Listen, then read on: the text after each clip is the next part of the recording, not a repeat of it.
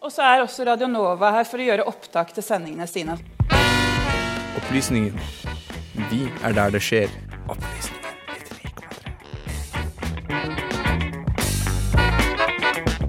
Eh, denne uka så har det jo altså vært et jordskjelv i Tyrkia. Vet du noe om det, Marte? Ja, det er jo noe man har fått med seg på eh, ja, overalt. Så det har jeg fått med meg, og det er veldig trist å høre om. Og man hører jo at det antallet skadde og døde bare øker og øker. Så det er jo forferdelig. Mm. Vet du noe mer om det som har skjedd i, skjedd i Tyrkia nå, Mine? Nei, altså det er jo, som Marte sier, det er jo åpenbart helt forferdelig. Og det er også noe med når sånne store katastrofer skjer steder hvor det allerede har eksisterende konflikter. For det er jo Tyrkia, men det er jo også Syria. Og der er det jo husene er, er jo bygd på ingenting, for de har blitt nedbombet, og det er jo helt grusomt å se, se at det skjer på utsatte steder. Mm. Og jeg bor jo ikke så langt unna Grønland, og jeg ser jo det er de innsamlingsaksjonene som pågår nå. Mm. Det er helt enorme. Man kommer seg nesten ikke forbi, for det blir propp med alle bilene som skal kjøre forbi og levere varer og klær og Så er, man ser virkelig at folk samler seg rundt. Mm. Ja, det er jo virkelig en eh, massiv humanitær krise, det her. Men dette kan jo også ha store konsekvenser på det politiske. Fordi i Tyrkia skal det jo være valg nå, og det skal vi høre litt mer om i denne denne saken som Benjamin har lagd, om den politiske konsekvensen av jordskjelvet? Mandag morgen våknet vi til nyheten om en grusom tragedie. Jordskjelvet som rammet Tyrkia og Syria, har fått svært mye oppmerksomhet denne uken, på alle flater. Verdens helseorganisasjon anslår at vi brått og urettferdig har mistet 20 000 mennesker. Det enorme redningsarbeidet blant kollapsede ruiner fortsetter. Og det er en kamp mot klokka, idet tusenvis av tyrkiske, syriske og utenlandske hjelpearbeidere forsøker å redde ut de som fortsatt kan være i live.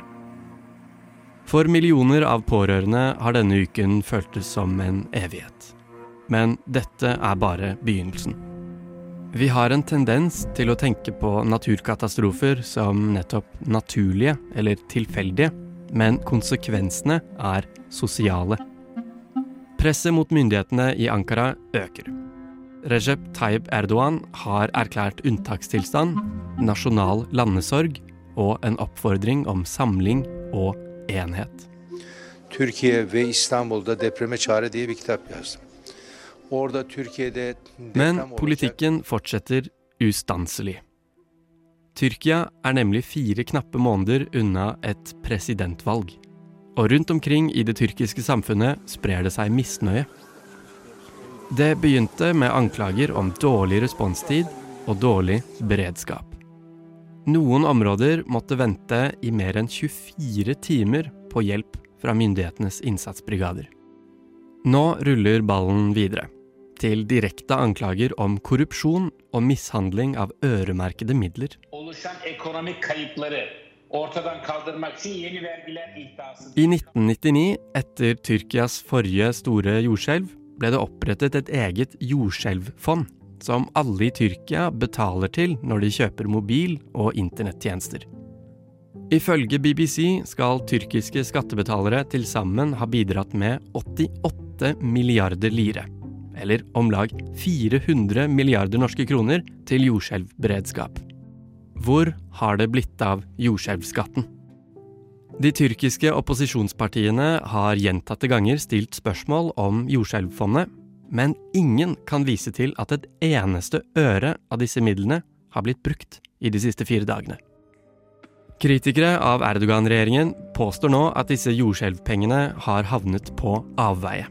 De mener også at de har bevis, i et gammelt intervju fra 2011, da Erdogans daværende finansminister innrømmet at midler ble brukt på infrastrukturprosjekter og motorveier. I den tyske avisen Frankfurter Allgemeine Zeitung skriver Bulent Mumay at det som egentlig skulle være åpne og ubebygde samlingspunkter i tilfelle jordskjelv, har blitt asfaltert over med luksusleiligheter og kjøpesentre. Kemal Kilic Daroglu er lederen for Tyrkias største opposisjonsparti, CHP. I en videotale fra den mørkelagte byen Iskenderun, over lyden av en durende strømgenerator, valgte opposisjonslederen disse ordene. Erdogan er den eneste som må holdes til ansvar for denne katastrofen. I 20 år har regjeringen sviktet i å forberede landet for jordskjelv. På den andre siden av grensen, i Syria, er situasjonen også prekær og komplisert. Det er de nordvestlige Idlib og Aleppo-provinsene som er hardest rammet. Her i Nordvest-Syria, landet som har opplevd tolv år med borgerkrig, så er det tre ulike militære fraksjoner som utøver kontroll. Mange av husene folk bor i, er svekket av at bærende elementer, grunnmur og fundament har måttet tåle bomber og har fått strukturelle skader. Sement og betong er også mangelvarer som handles på svartebørsen.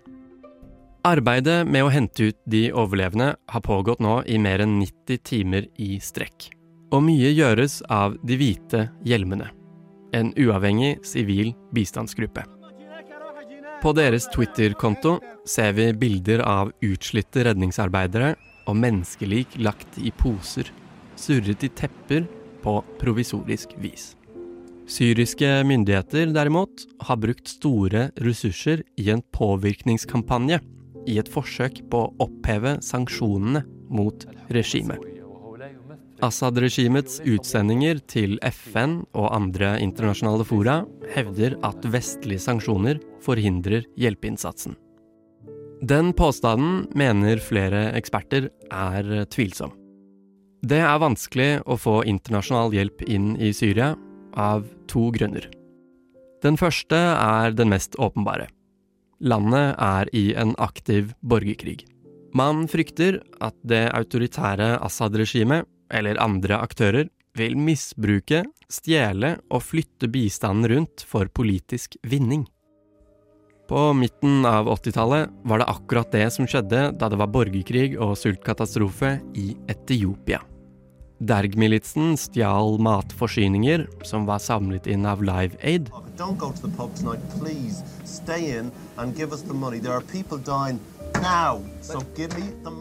Og den kjente julesingelen Do They Know It's Christmas Time. Årsak nummer to Moskva og FNs sikkerhetsråd. Ja, den russiske hovedstaden ligger 2000 km unna Syria. Men Assad og Putin er tette allierte. I allerede mer enn ti år har Russland brukt sitt veto til å begrense FNs internasjonale bistand til én grenseovergang. Vi her i Norge vi er faktisk FNs femte største donor for bistand i Syria. Strategien har vært å komme inn og nå folk overalt i landet fordi folket er trengende, uansett hvor de befinner seg. Assad-regimet kontrollerer 65% av Syria og har en lang historie med å manipulere bistandsmidler, annet gjennom Syrias sentralbank. Internasjonale donorer presses til å konvertere dollar til syriske pund med en langt lavere kurs. Kenan Ramani advokat og aktivist i eksil, hevder at så mye som 50% av bistanden til Syria havner på avveie. I lommene på NGO-er med tette bånd til Bashar al-Assad. Torsdag, fire dager etter jordskjelvet, får vi meldinger om at den første bistandskonvoien har ankommet syrisk territorium. Over grensen triller det nå sakte, men sikkert hjelp til Syrias trengende og jordskjelvofre. Men i likhet med Tyrkia er det hele trolig for lite, for sent.